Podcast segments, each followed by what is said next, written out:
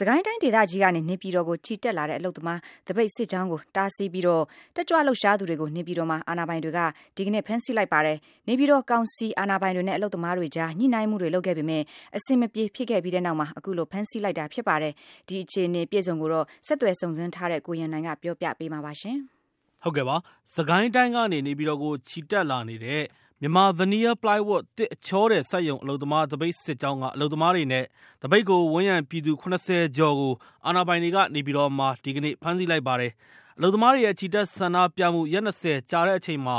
အာဏာပိုင်တွေဘက်ကအခုလိုဖမ်းဆီးလိုက်တာဖြစ်ပါတယ်။ဆန္ဒပြတဲ့အလုပ်သမားတွေကိုမဖမ်းဆီးခင်မှာပဲနေပြည်တော်ကောင်စီအာဏာပိုင်တွေနဲ့အလုပ်သမားသပိတ်စစ်ကြောင်းဆန္ဒပြသူတွေတပ်ကုန်းမြို့မှာညှိနှိုင်းဖို့ကြိုးစားခဲ့ကြပါတယ်။အားလုံးဖတ်ပြီးမေတ္တာရပ်ခံပါစေ။ ဥက္ကဋ္ဌကြီးကဖိတ်ပါတယ်။ဒီကအလုပ်သမားခေါင်းဆောင်တွေတပ်ကုန်းမြို့ကိုကြွားခဲ့တာ။မီဒီယာတွေအားလုံးလည်းကြွားခဲ့ပါ။ဝင်ကြီးကအားလုံးတွေပါအားလုံးအဆင်ပြေအောင်ညှိနှိုင်းပေးပါမယ်လို့ဥက္ကဋ္ဌကြီးကဖိတ်ခိုင်းလိုက်ပါတယ်။ခေါင်းဆောင်အားလုံးကမပြေပါဘူး။အလုပ်သမားအားလုံးမပြေပါဘူး။ခေါင်းဆောင်ဒီမှာကိုတော့ခေါင်းဆောင်နေပါခေါင်းဆောင်တွေဆိုတော့လုံသမားတွေကြည့်ရတော့လုံသမားတွေအားလုံးဖိတ်တဲ့အားလုံးကလေးပါနော်။ဒလီရစားနဲ့ဖိတ်တယ်ဆိုတော့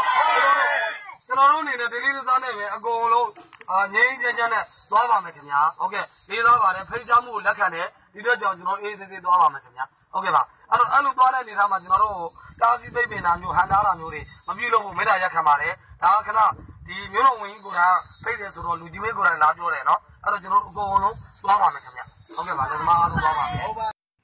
နေပြည်တော်ကောင်စီဥက္ကဋ္ဌဘက်က အားလုံးအဆင်ပြေအောင်ညီနိုင်ဆွေးနွေးပေးမယ်ဆိုပြီးတော့အလုံသမားခေါင်းဆောင်9ဦးကိုတကုံးမြို့မှာ ဆွေးနွေးဖို့ ကမ်းလှမ်းခဲ့ပါတယ်။ဆန္ဒပြအလုံသမားတွေဘက်ကတော့ ဆွေးနွေးဖို့ ကမ်းလှမ်းချက်ကို လက်ခံပေမဲ့ဆွေးနွေးမှုလုပ်ဖို့အတွက် ဆန္ဒပြအလုံသမားအားလုံး ချီတက်ပြီး ပါဝင်ဆွေးနွေးဖို့လိုတယ်လို့ တောင်းဆိုခဲ့ပါတယ်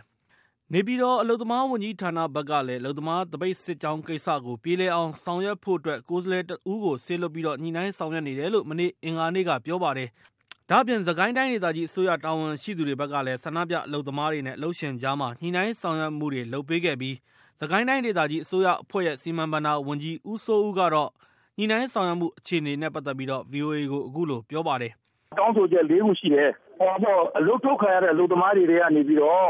အမျိုးသမီး ၆၀ ကို မူရင်းစက်ရုံကနေ ပြန်လည်ခန့်ထားပေးရန်ဆိုတာ နံပတ် ၁ တချက်ပါ။ကျန်တဲ့အလုပ်သမားတွေကနေပြီး တော့တိုင်းဒေသကြီးအစိုးရကနေပြီးတော့ကြီးကြပ်ပြီးတော့စစ်ကိုင်းစက်မှုဇုန်မှာရနိုင်သလောက်ပြန်လည်ခန့်ထားပေးဖို့ပါနံပတ်၂ချက်ပေါ့နော်။နံပတ်၃ချက်ကတော့အလုပ်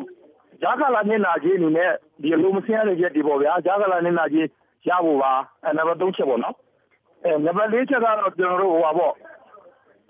သူတို့ဆန္ဒထုတ်ဖော်တာတွေရှိတယ်ငြိမ်းစုစီမှုတွေနဲ့ညှိတာတွေရှိတယ်ဒါနဲ့ပတ်သက်ပြီးတော့အဲတက်နိုင်သမျှဖြေလျှော့ဆက်လာပေးဖို့ အဲ့လေးချက်တောင်းဆိုပါတယ်အဲအဲ့ဒါနဲ့ပတ်သက်ပြီးတော့ကျွန်တော်ကကျွန်တော်အဲ6ရက်နေ့အစည်းအဝေးမှာလည်းကျွန်တော်စကိုင်းတိုင်းဒေသကြီးဆိုရကျွန်တော်အစိုးရကကိုစားကျွန်တော်တက်ပါတယ်လူသွားဝင်ကြီးမှာကျွန်တော်သူတို့နဲ့ညှိတယ်မှာကျွန်တော်ပါတယ်တိုင်းတိုင်းဆိုရနေတော့ကမကလာလို့ပြီးတော့စကိုင်းချက်မှုဆုံးကဆက်ရုံလို့ရုံနဲ့ညှိလိုက်တဲ့ခါမှာ56ရောက်ကျွန်တော်တို့ပြန်ခံထားနိုင်ကြောင်းကျွန်တော်တို့အတည်ပြုနိုင်ခဲ့တယ်နော်အဲ56ရောက်ကျွန်တော်တို့တိုင်းဒေသကြီးဆိုရဲဆောင်းချက်နေနဲ့ကျွန်တော်ခန့်ပေးမယ်ဆိုပြီးတော့ကျွန်တော်တို့စာနဲ့ပြည်နဲ့ထွက်ပြီးတော့လုပ်ခဲ့တယ် အဲ့လိုနဲ့ကျွန်တော်တို့17ရက်နေ့မှာသူတို့အကြောင်းပြန်ရမှာအကြောင်းပြန်တဲ့ခါမှာလဲသူတို့ကကျွန်တော်တို့အဲ့ဒါရှင်းပြတယ်သူတို့နော်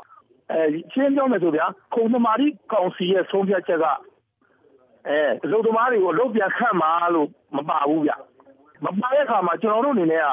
ညှိတယ်ဆိုတာကျွန်တော်တို့အပြင်ကနေညှိပေးတာဘယ်လိုခေါ်မလဲခုံသမားကြီးကောင်စီအဆုံးဖြတ်ချက်ကိုကျွန်တော်လွှမ်းမိုးလို့မရဘူးနော်ဒါလူသမားကိစ္စတွေကိုသူဥပဒေနဲ့အညီဆုံးဖြတ်တယ်ကျွန်တော်တို့အနေနဲ့ကဘာလို့ညှိပေးနေရလဲဆိုလို့ရှိရင် ဥပဒေတိုင်းဆိုလို့ရှိရင်သူတို့ဆုံးဖြတ်တဲ့အတိုင်းဆိုရင်အဲကျွန်တော်တို့ကဒီလူသမားတွေကိုဒီအလုံးကြရေးအတွက်လုပ်ပေးကြတော့မလို့တော့ဘူးဒါပေမဲ့ကျွန်တော်တို့ကကိုသားသမီးရွယ်တွေပေါ့နော်ခွန်ကြီးကိုမောင်နှမအရွယ်တွေဖြစ်တဲ့အတွက်အဲဒါတွေကိုတက်နိုင်တယ်များကျွန်တော်တို့ကလုတ်ပြန်လေရရှိရေးကိုကျွန်တော်တို့အပြည့်အစုံစူးစမ်းပေးခဲ့ပါတယ်နော်ဒါပေမဲ့ ပြေလည်သည်ထိမဖြစ်ခဲ့ဘူးပေါ့နော်တိုင်းဒေသကြီးအစိုးရဘက်ကဒီဟာကိုအလုပ်ပြန်ရဖို့တို့ဘာလို့ညှိပေးခဲ့တယ်ဒါပေမဲ့ခုံသမာတီးကောင်စီကအလုပ်ပြန်ခန့်ပဲဆိုတဲ့ဥစ္စာမပါဘူးအဲ့တော့ပြန်မခန့်ဘူးဆိုတဲ့သဘောမျိုးဖြစ်နေတာပေါ့ပြန်ခန့်မှာဆိုတဲ့အမိန့်ချမှတ်တာမပါဘူးမပါတော့ကျွန်တော်တို့အနေနဲ့ကအလုပ်ရှင်နဲ့ညှိတဲ့အခါမှာလည်းအလုပ်ရှင်လည်းကျွန်တော်အမိန့်ပေးလို့မရဘူးလေဟုတ်လားညှိနှိုင်းပေးတာပဲရှိတယ်တိုင်းဒေသကြီးအစိုးရဘက်ကညှိနှိုင်းညှိနှိုင်းတဲ့ဥစ္စာကိုရောအလုပ်သမားတွေဘက်ကလက်ခံလား ကျွန်တော်တို့ကညှိနှိုင်းတဲ့ဟာကိုတော့ခဏပြောတယ်56ရတာကိုသူတို့ကလက်ခံတယ်လေဒါပေမဲ့ခက်တာလည်းဟိုအလုပ်ရှင်ကသူတို့စီမှာခန့်ဖို့ကကြတော့အလုပ်ရှင်ကသူကခုံပါရီကောင်စီကမခဟိုခတ်မှလို့မပါတဲ့အတွက်သူတို့ကမခံဘူး တကယ်လို့ခုံပါရီကောင်စီသုံးမဲ့ချက်ကိုမကျင်နာဘူးဆိုလို့ရှိရင်သူတို့ဒါယူကံဝင်လို့ရတယ်လေဗျာအဲယူကံဝင်မဲ့တဲ့လူကြီးထက်တဲ့တော့ကျွန်တော်တို့လည်းဒါမြစ်တာနဲ့ညီနိုင်ပေးတာဒီလောက်ပဲစွမ်းဆောင်နိုင်တယ်ကျန်တာတော့အဲ့ဒါကျွန်တော်တို့လည်းခုခီးထွက်နေတယ်နော်သူတို့ဖမ်းလိုက်ပြီဆိုတော့ဒီကိစ္စကိုတိုင်းဒေသကြီးအစိုးရအနေနဲ့ရောဘာဆက်လုပ်ဖို့စဉ်းစားထားပါလဲဘယ်လိုလုပ်ဖို့ဘာဆက်လို့ဖို့ဆိုတော့ကျွန်တော်တို့ကလည်းညီနိုင်နိုင်တယ်များတော့ညီနိုင်ပြီကိုလည်းလုံးလုံးရကျွန်တော်တို့ကခီးထွက်တာ၄၅ရက်လောက်ရှာမယ်ဗျဟိုနော်အဲ့တော့ကျွန်တော်တို့ကခုဖမ်းတယ်ဆိုတော့ခုမှပြီးရတာဗျ ကျွန်တော်တို့အနေနဲ့ကတော့စိတ်မကောင်းဘူးဗျာနော်ဆန္ဒပြအလုပ်သမားတွေဖမ်းဆီးခံရတာနဲ့ပတ်သက်ပြီးတော့နေပြည်တော်ကောင်စီအာဏာပိုင်တွေကိုဆက်သွယ်ခဲ့ပေမဲ့ဆက်သွယ်လို့မရခဲ့ပါဘူးခင်ဗျာ